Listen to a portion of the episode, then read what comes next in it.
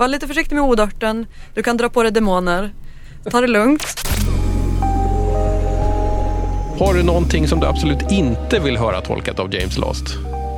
Nej. Skivan har inte kommit för att dö hemma i din bokhylla. Så jag trodde att han sjöng Mona Lisa skulle plocka snö. Och jag är ju allt för den dåliga smaken. För första gången i mitt liv så har jag liksom hört musik som jag liksom inte har lämnat något avtryck överhuvudtaget. DJ. Okej, den rullar. Um, ja, vi ska väl ta och lufta några billiga begagnade vinylskivor igen. Fem stycken för max 50 kronor. Det är grundlagen här i DJ 50 spänn. Och kanske så blir det någon liten bonusspin också. Jag som påstår det heter Tommy Jönsson, men jag har ju sällskap här också. Rickard Seibelich, varför kallas du för diskodoktorn? Jag är ju skivsamlare, men tror att det var min kompis Gustav Sund eh, som jag spelar med eh, en del. Han plötsligt kallade mig för diskodoktorn i något, någon pamflett eller något sånt här. Och Ja. jag, jag är ju doktor så jag tyckte väl det passade rätt bra. Ja, själv. det fastnade. Det fastnade. Har du något så här område som är din specialisering då? Alltså läkare, jag är specialist i allmänmedicin. Det, Mhm. det låter ju som en motsägelse att vara specialist i det allmänna, men, men det är jag. Ja. Vi ska egentligen inte prata jättemycket om ditt dagjobb, men vilken form av disco är din specialisering då? Jag, är, jag gillar ju väldigt ostig disco. Det, det får ju gärna vara lite töntigt. Eh, och jag gillar väldigt mycket europeisk disco. Gärna att det, det är lite dålig engelska och lite, lite cheesy grejer. Men jag gillar även den amerikanska discon, soul och Mm. sånt här gammal klassisk Mm. disco, italo-disco. Har du någon bortre gräns för hur, eh, hur ostigt det kan bli? Nej.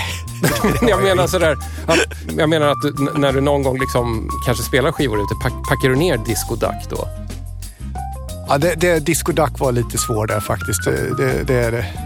Sen kan det ju vara också liksom, lite problem. Eh, Discon är ju dirty så att säga. Jag menar, Mm. Min dotter anklagade mig för att ha bara massa skivor med nakna tjejer på. Och en del discoplattor, det, ja, det är mycket stön och sånt här. Det får man ju försöka undvika även om man kanske lyssnar på det Mm. hemma. Försöker du smussla undan det eller har du haft ett prat om varför disco Ja. är så stönigt?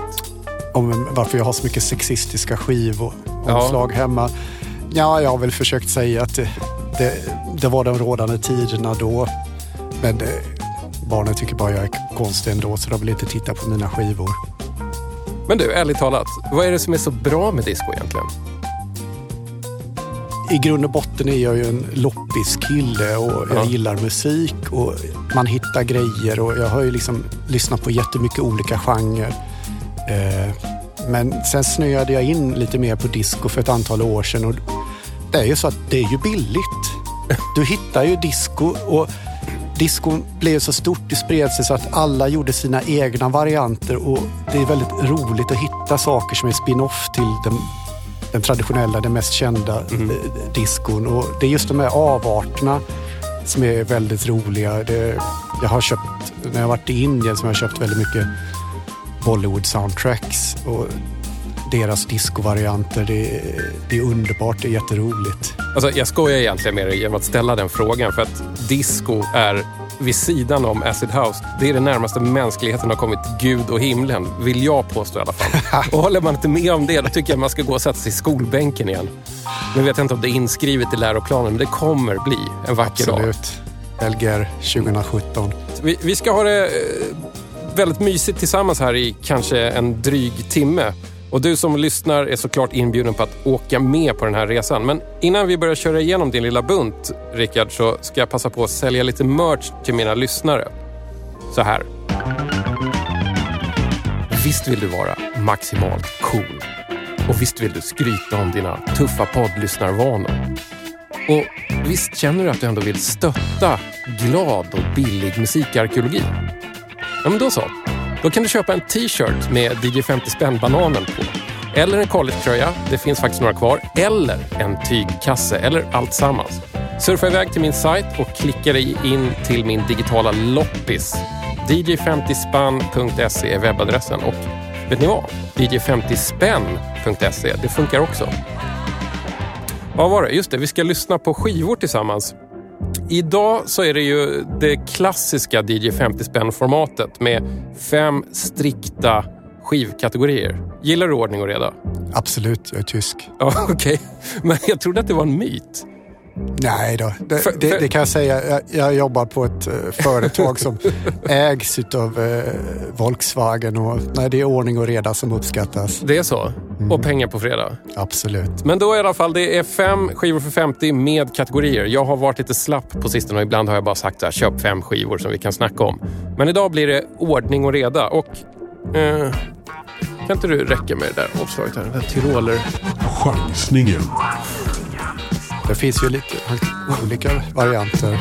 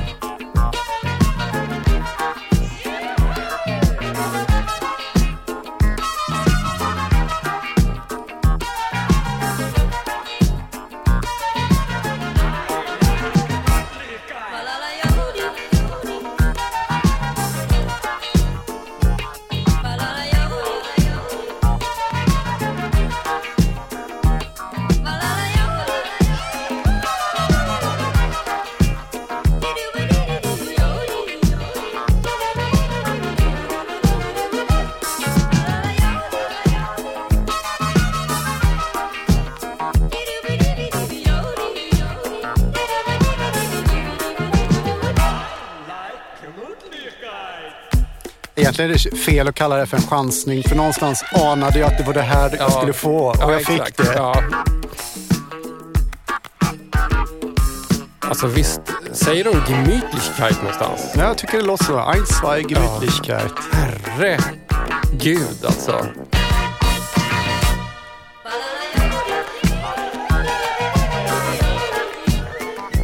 Det här, det här var kanske den mest novelty av all novelty-disco jag någonsin har hört tror jag. Ja, det, är, det är grymt dåligt. Vi måste berätta vad det är. Det är Disco Franz and the Jodel Girls och den heter Das Jodelding. Ja, alltså vi kan säga så här. att Det, det gick ju inte låta den stå i, i skivbacken. Nej, Det, det, det såg för dåligt ut. jag förstår det. Men jag tänkte så här att det var ändå ganska bra att öppna med den här skivan för att nu kan jag äntligen ställa frågan till dig. Plockar du upp precis vad som helst som det står disco på? Ja, det kanske inte är så jättelångt ifrån sanningen, men vissa saker ser ju mer attraktiva ut och är det någonting som är liksom eh, kanske lite tyskt eller franskt eller så här och det är disco, då blir jag alltid lite mer sugen. Mm. Som den här. Ja, jag är ändå glad att den kommer upp för att det, det hedrar dig att du inte bara stack näsan i vädret och liksom snörpte med munnen och, och bara slängde iväg den här skivan utan att du faktiskt tog med dig lite jodeldisco. Inte så ofta man hör det. Världen kanske behöver mera. Om du fick åka tillbaka i tiden och, och vara producent här, vad skulle de kunna ha gjort med den här som gjorde att den blev weird men bra och inte bara weird men jättefjantig? Ja, det kanske hade varit väldigt svårt att hitta på någonting.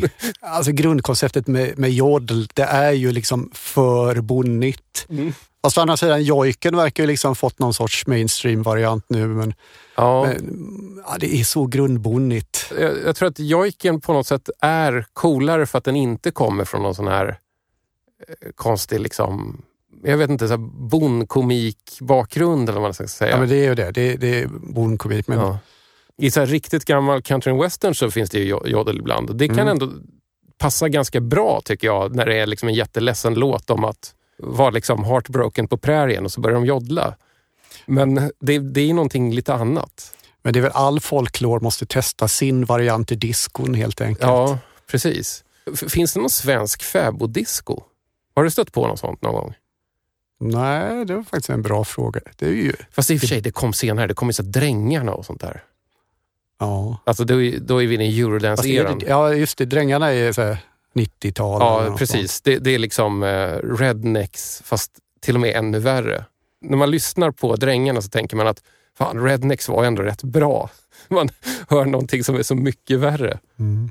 Ja, det är frågan. Kan har Merit Hemmingsson gjort någon Ja, fäboddisco-låt? ja, jag vet att det Hon har gjort funkar. några groovy låtar sådär, men Ja, inte någon gjort disco. någon vet jag som är någon sån Stenmarkspolska eller något sånt där kan den heta som ändå är liksom, det är mer åt funkhållet då. Mm. Men den, den har väl någon form av dansbart, ja nästan åt discohållet i alla fall. Hörru du, vet du någonting om Disco Frans? Jag vet faktiskt ingenting om Disco Frans. Jag jag, försökte hitta också, det var väldigt svårt. Jag hittade inte ens ett riktigt namn. jag, alltså, det finns ju någon snubbe som heter Frank Sander som har gjort väldigt mycket olika eh, tyska discogrejer. Eh, jag funderade på om det kunde vara honom, men det var, var ju bara en gissning. liksom. Mm. Jag råkar veta att eh, B-sidan på den här är någonting helt annat. Ska vi inte köra några takter från den och bara... Absolut. Det kanske är enda tillfället någon har att få höra den här skivan.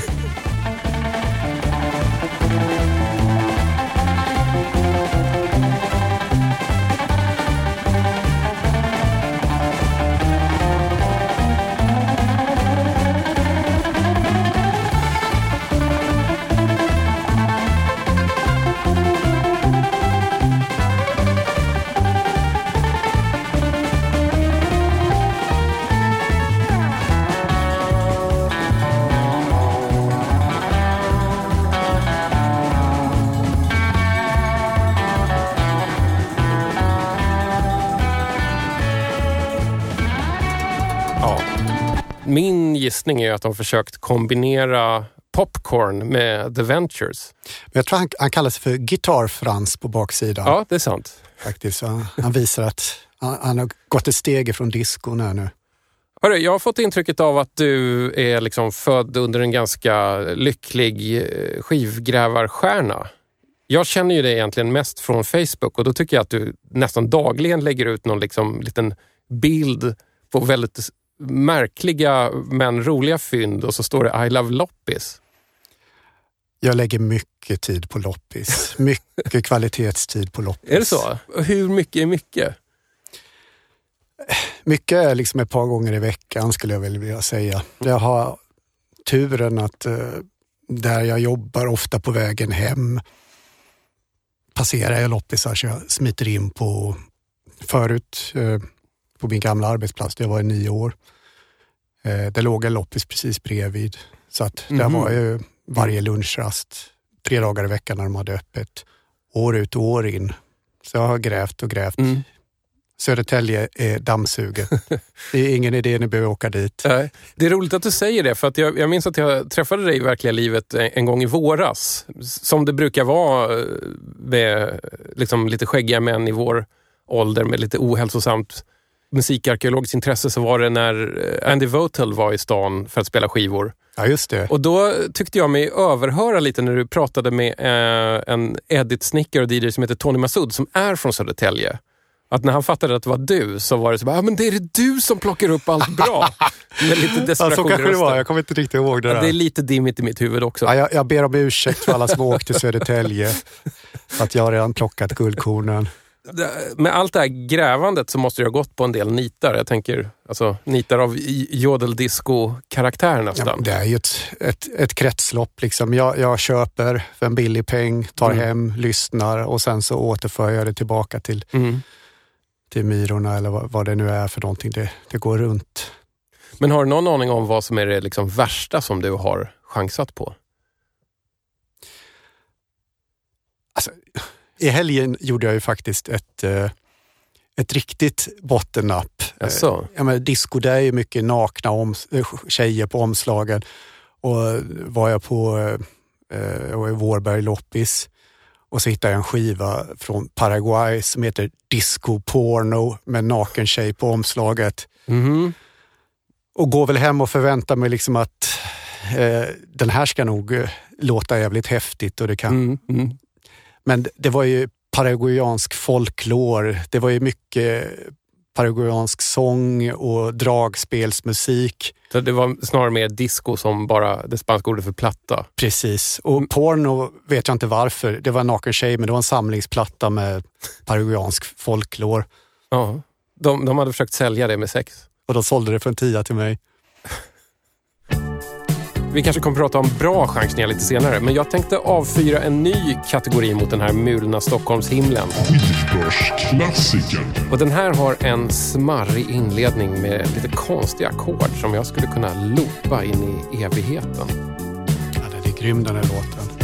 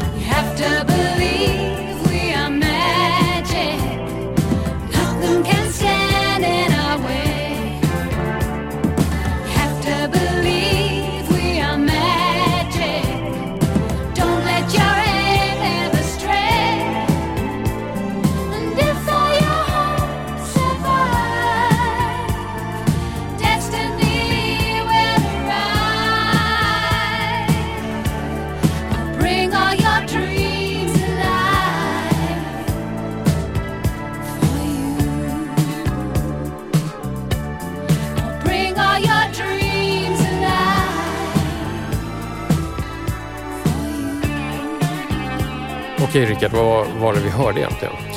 Eh, Det här var ju min loppisklassiker.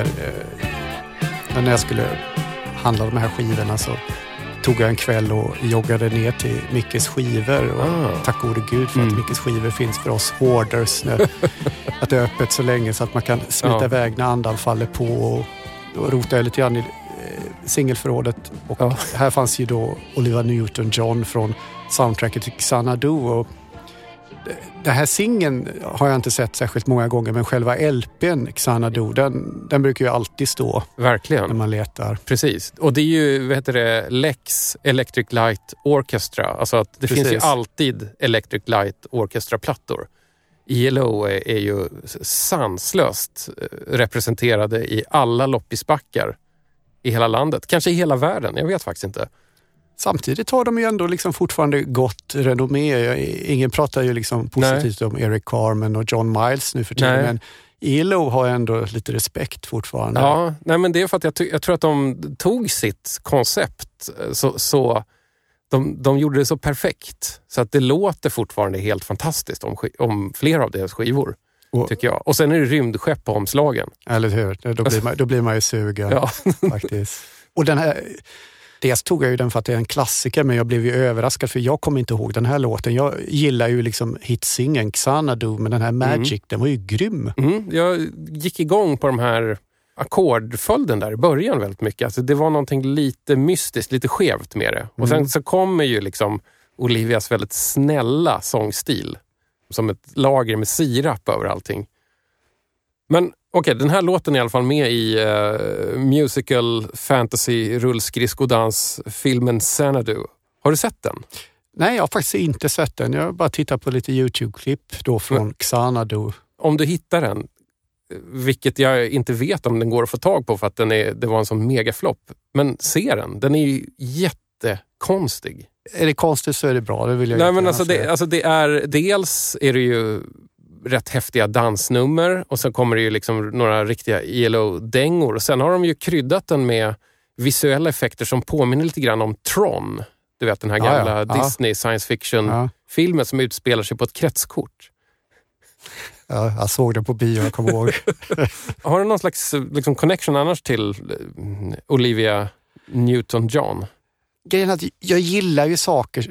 Olivia Newton-John har ju ingen credit eller något sånt här. Man- Folk tycker ju eh, Grease var löjligt men eh, Mm. jag tycker hon sjunger bra och hon brukar ju stå i reabackarna, hennes countryplattor då som hon Mm. gjorde i början på 70-talet. Och visst, det är liksom slätstruket, välproducerat, sån här dussinprodukt. Men jag tycker hon gör ändå vissa låtar riktigt bra. Hon, hon har en Dylan-låt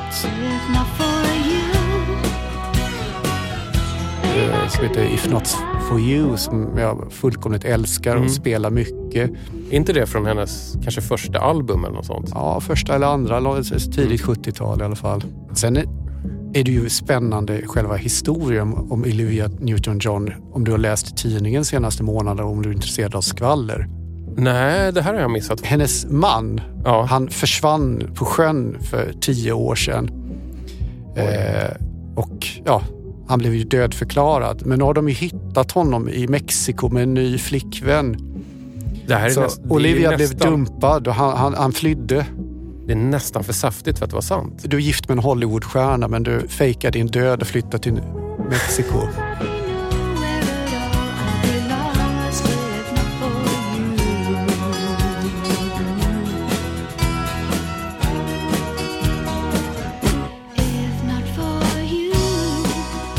Första jag tänker på när jag ser en skiva med henne det är ju att Club of Geijerstam alltid kallade henne för Olivia Neutron Bomb.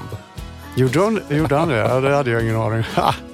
Och en annan sån här märklig trivia grej som egentligen inte- kanske inte har så mycket med henne att göra. Men hennes farsa var ju, eh, jobbade på brittiska säkerhetstjänsten MI5 under andra världskriget, bland annat i Enigma-projektet.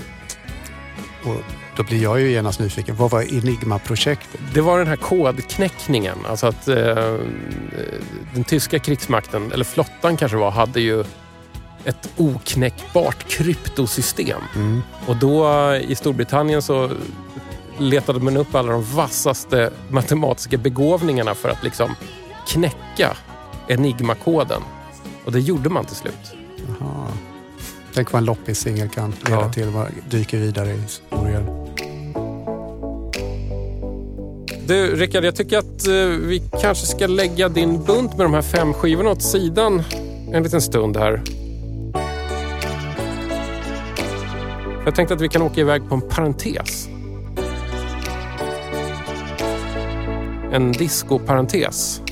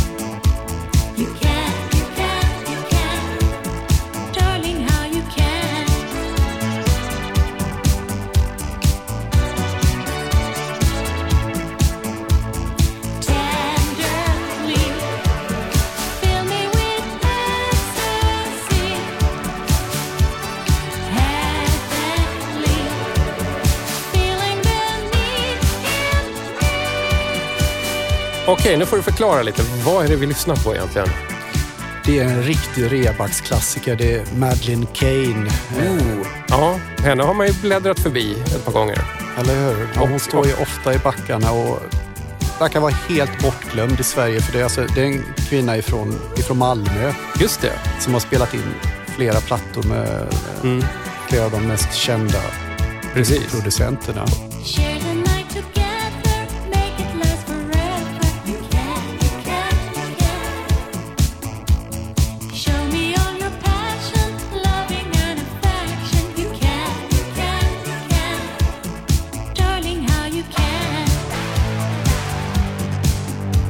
Det vi hörde här var en låt som heter You Can. Eh, och om ni tyckte att det lät liksom lite bekant i både arr och sound så är det för att den är producerad av eh, Giorgio Moroder. Precis. Den Giorgio Moroder. The one and only. Ja. Vi satt och pratade lite under tiden låten gick och jag tyckte att man kunde så verkligen höra att det var precis mitt emellan hur det lät när Giorgio Moroder producerade Sparks som han gjorde i slutet på 70-talet och strax innan Flashdance-filmen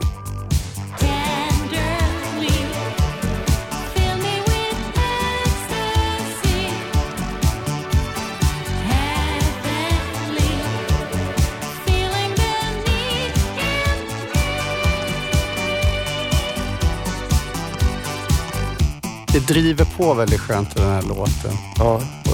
Jag gillar också lite svagt Ja. att det är lite långsamt intro. Man behöver inte gå Mm. direkt på saken. Man hör ofta folk som säger att men det pratas för lite om jada, jada, jada.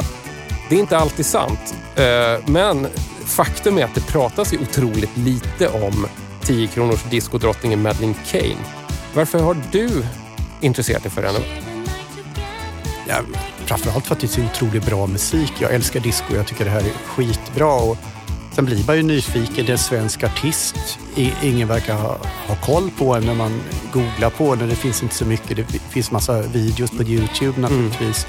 Men eh, man har inte hört talas om henne och hon verkar inte varit aktiv i musikbranschen på många år heller. Nej, men för mig var det liksom lite nytt. Det är möjligt att jag någon gång kanske har blivit invigd i hemligheten att Madeleine Kane är från Malmö. Men du sa det till mig någon gång och jag var så här, jaha, är hon? Så jag var tvungen att försöka hitta vad hon heter egentligen.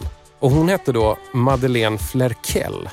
Och eh, alltså uppvuxen till största del någonstans i Malmöområdet. Hennes farsa var, tror jag, skådis eller sångare eller både och. Men de verkar ha varit lite grann av så här jetsettare för att hon eh, har i någon intervju också sagt att hon umgicks ganska mycket med, med vad heter hon, prinsessan Caroline, tror jag, från Monaco.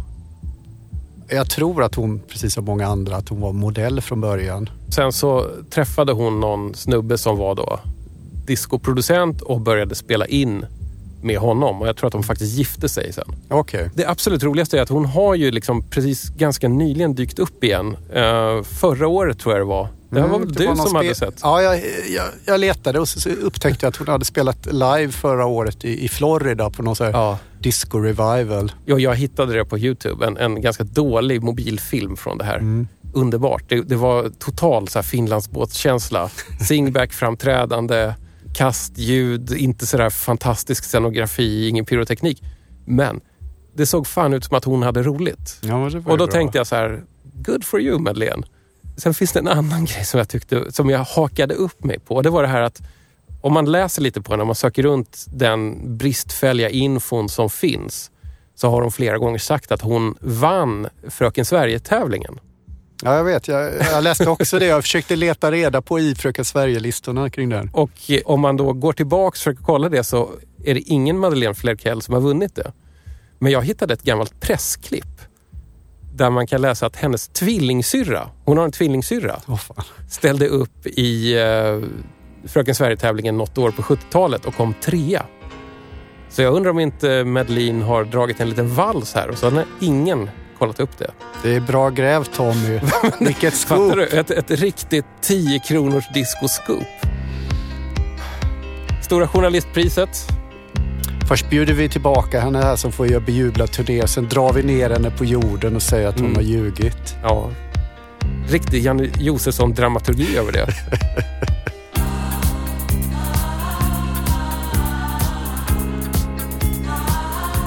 Hörru, ska vi inte dra en till Madeleine Kane-låt bara för att det är mysigt? Ja, Oh, den här, Forbidden Love. ja, från Cherry-albumet. Den, den här, om ni någon gång har grävt i några 10 kronors backar så har ni sett den här. Det är alltså ett eh, illustrerat omslag med Madeleine är liksom tecknad och lite rosig om kinderna.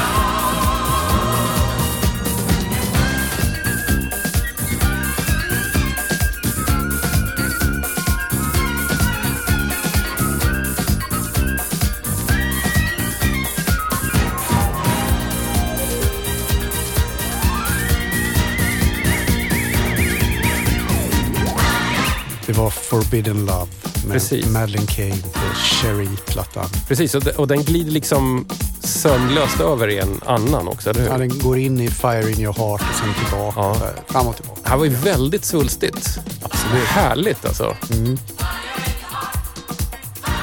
Det blir också sen, ju längre 80-talet gick så blev det mer och mer liksom high energy sound på Madeleine Keynes grejer. Nu spelar vi inte de här, men det, det får man kolla upp själv. De brukar faktiskt också kunna gå att hitta med lite, eh, lite tur. Lite spetsigare än det här kanske. Ja. Jag tycker hon påminner väldigt mycket om Amanda Lear och de har gjort Mm. liksom, eh, samma bakgrund. De är Ja, just det. modeller Ja. Mm. och sen har gjort disco. Amanda kanske gjorde liksom lite mer syntaktigt eh, Mm. där i början på 80-talet också. Ja, Eh, Men det, de följde varandra. precis. Och Amanda Lear bor ganska ofta i 10 kronors lådan också. Så att Absolut. där kan man ju, alltså utan att det svider i plånboken, chansa loss lite grann. För 70 spänn har en fullständig diskografi. Det är en bra deal alltså. Mm. Du, eh, ska vi, ska vi styra tillbaka in till det vanliga DJ 50 spänn surret här? Okej. Eh, om du inte har någonting mer om Madeleine Kane? Nej, jag är ju fortfarande i chock här efter det du har grävt fram här. Du, du menar- lögnen, den stora ja, lögnen. Ja, precis. Nu är det ju så att vi har, vi har inte lyckats få tag på Madeleine Kane själv, så vi kanske ska ta det lite lugnt med att, med att säga att det är en lögn. Det är kanske är ett missförstånd eller att reportrar har missförstått henne hela tiden. Jag har ingen aning. Vem vet? Kanske får jag tag på Madeleine Kane en vacker dag. Slumpade du fram någon skiva förresten? Ja, jag slumpade fram en skiva. Jag var ju nere på Mickes skivor så blundade jag och satte in handen i eh, soul och disco-facket som han hade. Mm. Och då tänkte jag att jag vill ju hitta någonting bra när jag slumpade. Men, jag, Ja.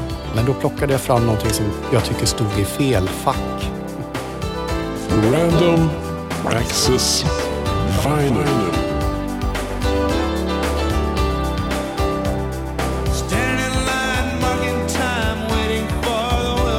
Dime. 'Cause they can't buy a job. The man in the silk suit hurries by as he catches the poor old lady's eyes. Just for fun, he says, get a job. That's just the way it is. Some things will never change. That's just the way it is. believe them.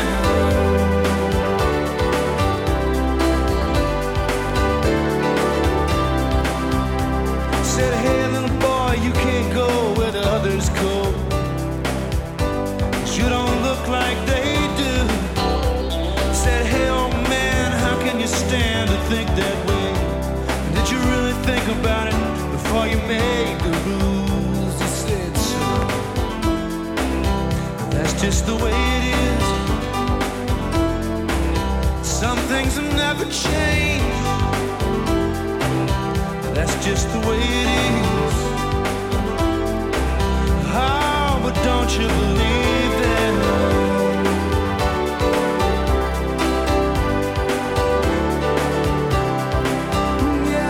Ja, det här var din Random Access Vinyl. Bruce Hornsby and the Range. eh, that's... The way it is. Just det, precis så heter den. Det hade ju kunnat vara värre. Det hade ju kunnat få upp någonting mycket värre på ren chansning eller på ren slump. Det är en bra låt, så Ja. man kommer ihåg. Men jag, jag kommer ihåg att det var, det var inte riktigt min stil när Mm. det begav sig. Nej. Jag brukar tänka på sån här musik som att det, det här är vuxenpop. Det är inget uppror eller liksom, det är ingen tonårig förstörelselusta i det här och det är inte riktigt, det är heller inte särskilt kåt musik om du förstår vad jag menar. Det är ju väldigt uppgivet. Ja. Det är så det är, sjunger karln för guds skull. Det, Ja. är liksom, det vill Jo, ingenstans. ja. Liksom, så men du sa ju köp det, läget. Ja, du sa ju det när, när texten hade gått någon vers ungefär, så att det var lite socialrealistiskt. Det är lite amerikanskt det där att man ska måla upp en liten bild av, av livet, av, av liksom hur det är. Någon slags Bruce Springsteen-tradition, fast det här kanske saknar, inte vet jag, gnistan eller jävlar anammat i Bruce Springsteen. Det, det kanske ligger närmare Billy Joel när jag, när jag tänker efter här. Billy Joel hörde jag, ta, jag har en kompis som är fotograf, han berättade, Billy Joel är, han ser alltid till att Mm. eh, ha första raden eh, är tom. Så att Jaha. han kan ge ut fribiljetter till folk som står och köar. Mhm. För att han vill liksom inte ha de, de rikaste längst fram. Det är ju väldigt fint. Annars liksom har man börjat hänga på det häckeltåget för Billy Joel sen Homer Simpson älskar Billy Joel. Är det därifrån det kommer? Jag tror det i alla Ja, fall. det är ja, något det- det är- avsnitt det är mycket han, han, troligt, han, vill- ja. han, han vill bli hippie Ja. och så sätter han på Uptown Girl. Det är hans hippie-musik.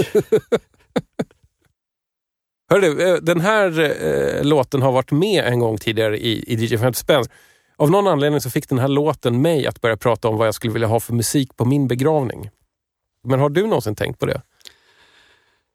Mm, nej, jag har nog faktiskt inte tänkt på det. Eh, Det var en kompis som dog för 20 år sedan och han ville spela en Beach Boys-låt. Mhm. Så här, fortfarande idag så är jag lite osäker på, var det verkligen rätt låt som spelades? Oj, ja. Vad var det för låt? Det var väl den här Wouldn't it be nice? Ja, det känns Jag hade kanske... för mig att det ja. skulle vara God only knows, men jag har för mig Mm. att det är Wouldn't it be nice? Men, men åren har gått. Jag kan ha... Ja. Bägge är rätt bra låtar så att... Nej, det är bra låtar och han älskade Beach Boys. Och det, det var tragiskt att han inte fick eh, leva tills att Smile äntligen kom ut, för det var så här stor grej för honom. Mm. Sen tyckte jag när den kom ut så hörde jag ingen skillnad egentligen. Det var lite antiklimax. Ja, jag, jag minns också att jag gick och köpte den och lyssnade på den en gång. Och sen har den bara stått där. Ja, men det, man hade redan hört låtarna. Det var liksom, vad var det en annan låtordning? Eller vad var grejen riktigt? Ja, jag- ja, det var, det var lite antiklimax. Stackars Bruce Hornsby. Här börjar vi prata om, om begravningar och The Beach Boys och Billy Joel istället för honom. Vissa artister, De, de fastnar inte liksom. Ja. Han hade en hit i alla fall. Så. ja. Vi kan droppa en cool grej om Bruce Hornsby. Han verkar ha varit polare med Jerry Garcia och spelat lite med Grateful Dead. Det är ju i alla fall coolt. Då har vi sagt det. Då, då har han respekt. Nu är jag nyfiken. Nostalgiköpet. Alltså nostalgiköpet. Det här eh, går jag igång på stenhårt. Easy listening är ju sånt som Ja, ofta står i, i, i reabacken. Och under en period när jag började köpa skivor så köpte jag jättemycket Easy listening och jag köpte mycket skivor då med Horst Jankowski eh, och Herb Alpert och ja. alla de här. Sen Får- kanske inte jag har behållit alla skivor men eh, den här dök upp och är liksom covers, tyska covers på kända låtar. Och jag är ju väldigt svag för covers.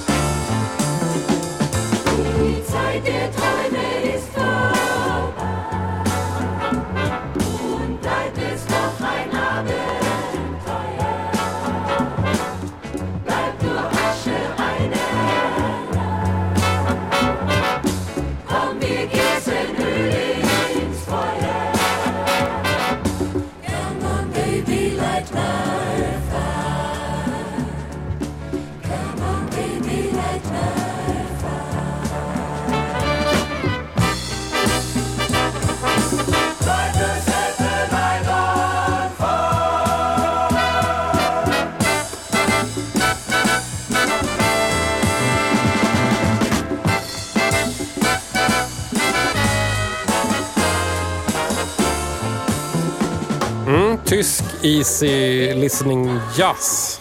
Rickard, när fanns den här musiken i ditt liv? Jag har hört mycket sånt här i, i, mitt liv. Ja, min familj kommer ju från Tyskland så att man har hört mycket tysk easy listening hemma. Kanske inte så mycket just Horst Jankowski utan det kanske var andra artister, så Frans Klammer och sådana som vi hade hemma. Ja, det här är alltså från en eh, LP som heter Jankowsking Size. Jankowski King Size. K und K Orchester Horst Jankowski for Night People Only. Härligt. Och om man missade då vad det var för låt så var det alltså The Doors gamla örhänge eh, Light My Fire. Där Precis. allt i texten är översatt till tyska utom just refrängen.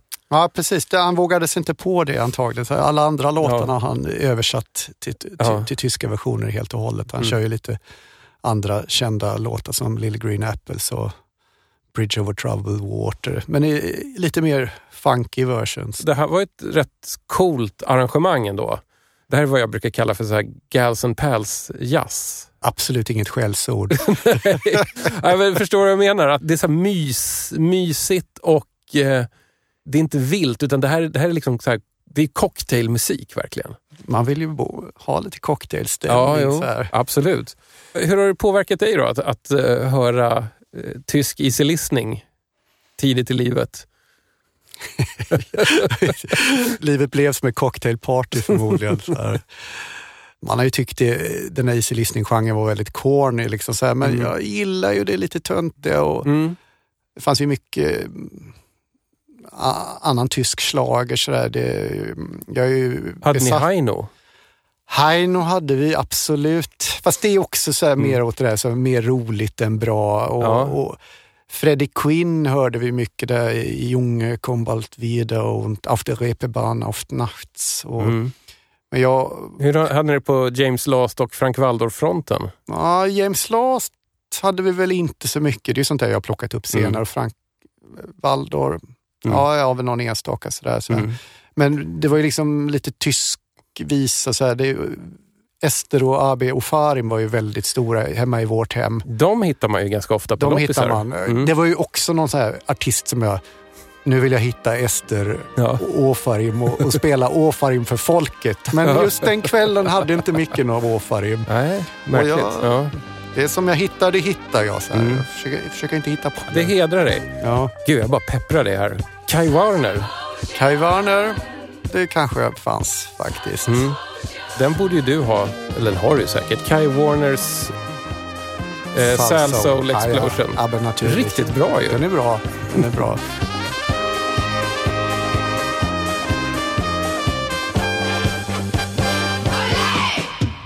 Och James Last, alltså som sagt var, han har gjort så jävla mycket plattor men det finns ju många som är bra. Och Ofta är det roliga, liksom, man hittar, det är kanske hans egna låtar. Det verkar vara så att Roland Last verkar skriva lite låtar också. Det tror jag är brorsan. Ja, James det. und Roland. Mm. Ja, det är ett riktigt familjeföretag det där. Ja. Ja, nej, där, där går det att hitta, men eh, man ska nog inte försöka sig på att samla alla plattor. Jag tror inte att någon har lyckats. Det fanns ju en Göteborgsband som hette ett tag James Last Experience. Just det. Det är någon sån här Mm. av, avspinn ifrån eh, Union Carbide, tror Union Carbide-trummisen. Och om, om det stämmer eller inte, jag vet inte, ryktet säger i alla fall att Mm. de, för att få ha det namnet, så kontaktar de James Last och säger så här, ja, våra föräldrar hade dina skivor liksom så här, och vi har lyssnat på dem mycket så här, och då hade han reagerat. Va? Liksom, har ni inte kvar skivorna? Eller något? Han hade skickat skivor till dem i alla fall, James Last. Skojar du med mig? I Göteborg är allting liksom som pesetas. Dra bort två nollor och dela med två så kommer du lite närmare sanningen. Liksom. Men det är det jag har hört i alla fall. Det är en bra story, då ska man inte kolla upp det. Mm. Hör du, det går snabbt i det här programmet. Vi har betat av fyra eh, skivfynd som du har köpt på uppdrag. Vi har till och med tagit en liten eh, omväg via Madeleine Kane. Nu är det dags för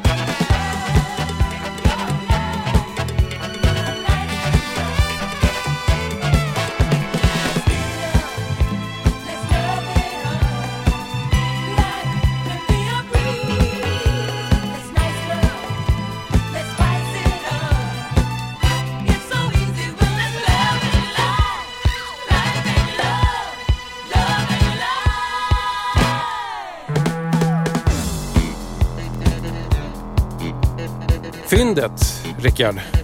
Vad är det här egentligen? Ja, det var El Coco med B-sidan på den, Loving Your Life, som jag fastnade ordentligt för. Den här hittade du alltså utan att bli skinnad? Nej, det är också en 10 kronors.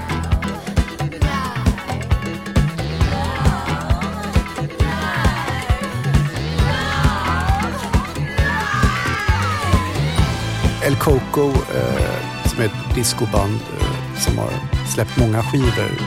De här brukar väl inte vara jättedyra. Den här singeln kommer från en platta som är ganska billig.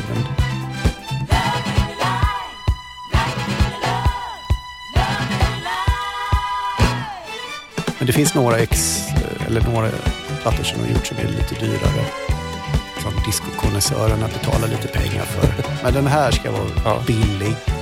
Jag hade LPn men jag var ändå tvungen att plocka upp den här singeln. Jag, var nyfiken på den. Men A-sidan var inte alls lika bra som B-sidan. Så.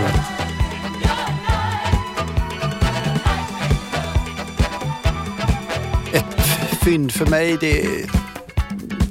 Någonstans i grund och botten är det liksom bra disco som skapar en skön känsla. Kanske sånt som jag vill spela ute, men det är även sånt jag lyssnar på hemma. Det, det, det. Sen tycker jag liksom det är lite extra roligt när man lyssnar på en B-sida och tycker den är bättre. Frågar mig inte varför. Det är liksom någonstans fågelskådan inom mig eller fri- frimärkssamlarnörden som vill ha en 12 skilling banco eller något. Jag vet Mm. inte. Men brukar du också köpa liksom dyr disco? Så här? Sånt som är eftersökt som folk går över lik för att... Någon, nej, inte så här jättedyr. Jag tror, I grund och botten är jag liksom lite för snål och kanske lite för mainstream i min smak. Liksom. Jag, jag har ju vänner som betalar dyra pengar för skivor och det är klart att ibland när jag verkligen vill ha någonting så, så betalar det. Men eh, nej, jag, det, det är inte riktigt min grej faktiskt. Men det är nästan roligare att hitta liksom, de här, även de billiga grejerna som alla ratar Mm. och, och ändå se att det är ett russin i den här kakan. Ja. Det, det, det är en jäkla tillfredsställelse. Har du några exempel på någon sån? Ja, vad ska jag säga? Jag kommer ihåg att jag plockade upp eh, Voyage, eh, den här singeln. B-sidan var ju eh, I Love You Dancer som är en grym hit. Och tyckte wow, fan det här är skitbra. Så här, men det upptäckte jag genast att ja, men det, det var fler som hade upptäckt. Eh, Så, här, så man är alltid liksom li, lite steget efter. Så här, men men det, var, det var en kul upptäckt för mig i alla fall. Och här om året var det Casino med K och Z, någon italopop som jag hittade någon platta. Och, ja, det var en standard Italo disco-låt på, på första sidan, men B-sidan var ju helt grym. Lite mer syntlåt som heter Binary och den knäckte mig verkligen. Så här. Men sen upptäckte jag liksom att den fanns ju med på någon så här disco, något disco-samling för, Mm. för många år sedan, och så där på ett left field disco. Ja, ja. Så, här, så att jag hade bara inte koll på den, så här, men det var wow för mig i alla fall. Ja. Så här. Fast det spelar inte så stor roll. Alltså bara man själv njuter av det så tycker jag att då är det ju värt allting. Ja, absolut, absolut. Kantareller i skogen är godare än de du har köpt Det är sant. på Det är sant. marknaden. Bara för att anknyta lite tillbaks till låten vi hörde precis här nyss med El Coco. Vet du någonting om dem egentligen? Alltså El Coco det är ju liksom discoprodukt eh, och det, det är de här Rinder och Lewis, två snubbar som Mm. jag tror är amerikaner som har gjort, producerat massa plattor, släppt plattor i massa olika pseudonymer. Mm. El Coco var väl det som var kanske mest framgångsrikt. eh, Men det finns också en trio, tre tjejer som heter Saint-Tropez eh, som jag gillar mycket också. Och de sjunger lite på franska och sånt där. Och jag har ingen aning om om det är franskt. Ja, men vet du vad? Jag undrar om inte de kanske är kanadensare. Jag kan ha fel här. Men det jag undrar, det kan också förklara lite alltså att franskan kom lätt för dem. Många är ju tvåspråkiga i, i Kanada. Så Ja, att, ja, för det är så här låtar Belle du Chou och så här, så här, lite fransk å andra sidan, det är discofranska. Så att, Det räcker det. Så här. Ja. jag tycker att det är lite roligt att de två eh, träffades på en audition till ett band som är väl ganska bortglömt nu, men som heter The Standells. Jaha, det var så de träffades första gången och så fick de lite G med varandra. Här, ja, ja, så började ja, de jobba så du, tillsammans. har, du, har läst, du kan om Rinder and Lewis? Det här är liksom lite Wikipedia och All Music Guide-kunskap. Men jag tyckte att det var en rolig detalj. Att det var liksom lite grann av en slump så korsades deras vägar och sen så började de göra disco som ofta är liksom lite funkig och lite lätt, tycker jag. Det är inte alltid det tyngsta liksom så här fyrtakts bastrummadiskon. Den, den har någonting lite jazz, eh, funkartat liksom i botten. Ja, och svänger iväg. Och så här. Ja, det är skönt. Det är någon platta, det är liksom två gubbar på omslaget som, som är tydligen lite dyrare. Då, är, den har jag aldrig köpt. Jag har köpt någon singel från den som är väl liksom lite mer syntig, tror jag. Lite syntdisco och så här. Men då, då är det deras farsor på omslaget. Jaha. Så här, så Mm. det är lite ovanligt discoomslag att ha två gubbar på. Ja, de, de hade ju kunnat haft halvnakna tjejer. Det brukar ju vara Mm. det. Okej Rickard, vi har nästan eh, kommit till slutet här. Jag bad dig också att plocka med en skiva från din egen samling. Vill du säga någonting innan om vad, vad det blev för någonting? Mm. Jag tog med mig en eh, Portrait in musik med en samlingsplatta med Hildegard eh, Neff, eller Knef som det står så här.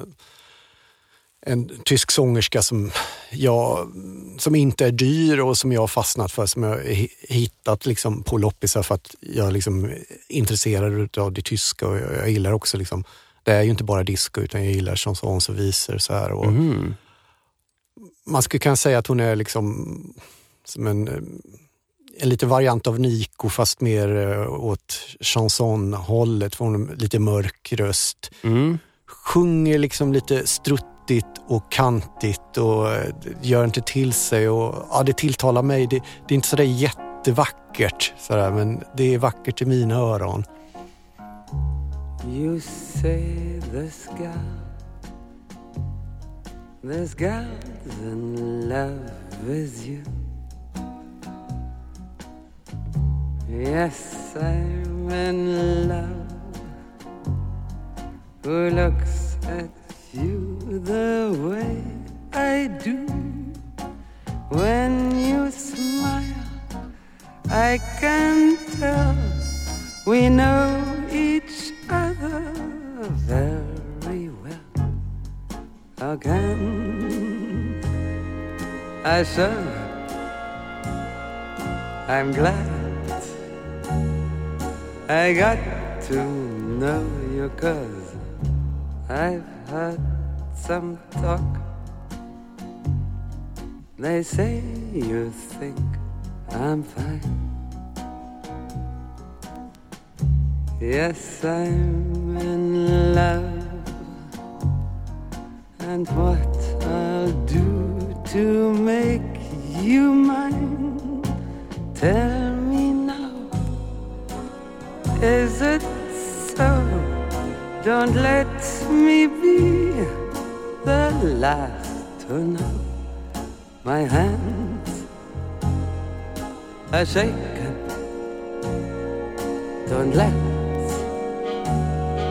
my heart keep breaking cause I need your love. I want your love.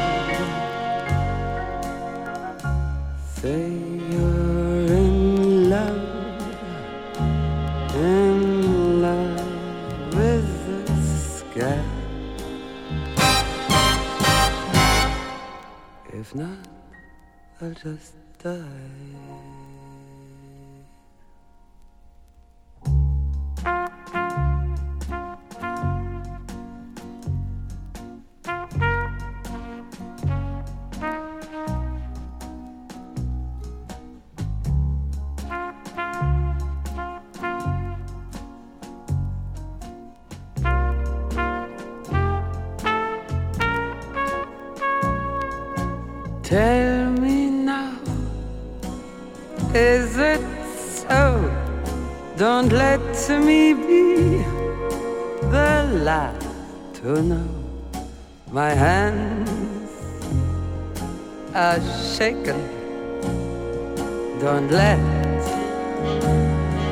My heart keep breaking, cause I need your love. I want your love.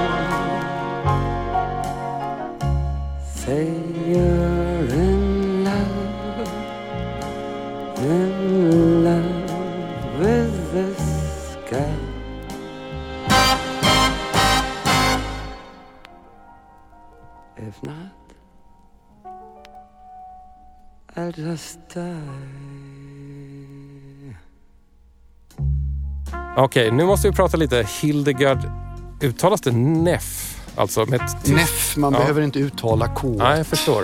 Hon, hon körde ju sin cover här.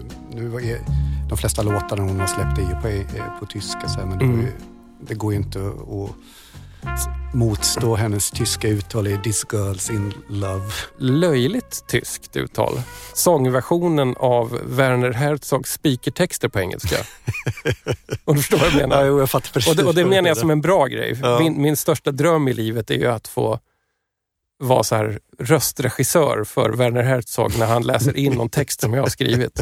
Nu måste vi prata om Hildegard Neff. Ja, nej, men, alltså, men jag tror att det är liksom någonstans romantiken i, Mm. i mig liksom, tycker liksom att det blir mer intressant med den där brytningen. Men jag håller med. Så, här, så att Mm. det, det tilltalar mig. Och, Men du, om, om du skulle liksom eh, göra någon slags balansräkning i, i din musikkonsumtion.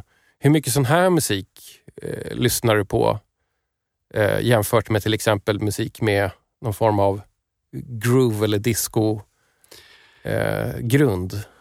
Alltså sån här musik lyssnar jag på ganska mycket faktiskt. Mm. Det, det är liksom, även om jag, mm, jag gillar lite folkmusik och Mm. visor och sånt här också. Så, här, så att det är inte bara disco, så här, det, det här får, får ganska stor plats Mm. för mig. Och på något sätt, liksom så här, det här är liksom den perfekta sommarstugemusiken. Det lilla jag själv vet om Hildegard Neff är ju att den här sångkarriären, det är ju egentligen hennes andra karriär. Precis, hon var ju Hollywood-skådis innan. Och även skådis i Tyskland innan det om jag fattat rätt också. Hon var först skådis i Tyskland, sen jag har läst på lite grann om henne, så åkte hon till, till Hollywood men de upptäckte de att hon liksom som tonåring hade varit ihop med någon eh, Ja, nazistregissör eller något sånt där. Så då blev hon... Eh, Utkickad hon blev utkickad där och så kom hon tillbaka till Tyskland. Gjorde, eh, 1950 i s- filmen Synderskan så gjorde hon en, en naken scen och då blev hon poppis i, i USA igen. Jaha, okej. Det, det är så lite det krävs. Det var så lite det krävdes då i alla fall. Men, men sen så blev hon någon form av Broadway musikalartist och, Jaha, och det var där ja. hon började sjunga. Så, här, så det var därför den här karriären kom sen tio Mm, år senare. Mm. Och i Tyskland blev hon jättestor Mm. eh, i, i sin sångkarriär. Det här var det sista vi spelar i musikväg i det här programmet. Du får inte med li- typ den här von Nun Ginsberg Up. Va, vad sa du nu? Eh, Det, det är en låt som jag tänkte liksom, som, är, som är liksom, handlar lite grann om hennes karriär. Hon sjunger om liksom vad hon har gått igenom i sin karriär fast väldigt humoristiskt på tyska. Vi, vi kör den som en, en, en outro-låt här helt enkelt. Du har ju hört James Last tidigare i ditt liv så jag behöver inte spela det som jag brukar göra på slutet. Utan Jaha, nu- är det James Last? Ja. Ja, jag brukar avsluta med det. Men det, det, bara det är ihåg. tyskt så funkar det. Då kör vi Hildegard istället. Ich kam im tiefsten Winter zur Welt, hab dreimal genießt, mich müde gestellt. Der Vater war wütend, er wollte einen Sohn. Ich sah mich so um und wusste auch schon, von nun an geht's bergab. Anschließend hatte ich nicht viel zu tun. Man ließ mich wachsen und zwischendurch ruhen. Aber nach ein paar Jahren, da sprach man spontan, du musst jetzt was lernen, der Ärger begann. Von nun an ging's bergab. Mit 15 hatte ich eine Idee. Ich wollte zum Theater, Mama sagte nee. Man hätte mich enterbt, doch wir hatten kein Geld und ich folgte dem Ruf auf die Bretter der Welt. Von nun an ging's bergab. Und alle fanden, ich hätte Talent und gaben mir Rollen, die's Programm nicht mal nennt. Doch der Star wurde krank, das war mir genehm und dann hat mich einer vom Film gesehen. Von nun an ging's bergab. Mal war ich die Brave, mal war ich der Vamp, mal war ich in Nerzen, mal ganz ohne Hemd. Amerika sprach, es sei ohne mich arm und ich hatte Mitleid und folgte dem Alarm. Von nun an ging's bergab. Jetzt war ich berühmt, war Hilde im Glück, kam freudig erregt in die Heimat zurück, bekam einen Preis und wurde verwöhnt. Doch nach einer Pleite, da war ich verföhnt. Von nun an ging's bergab.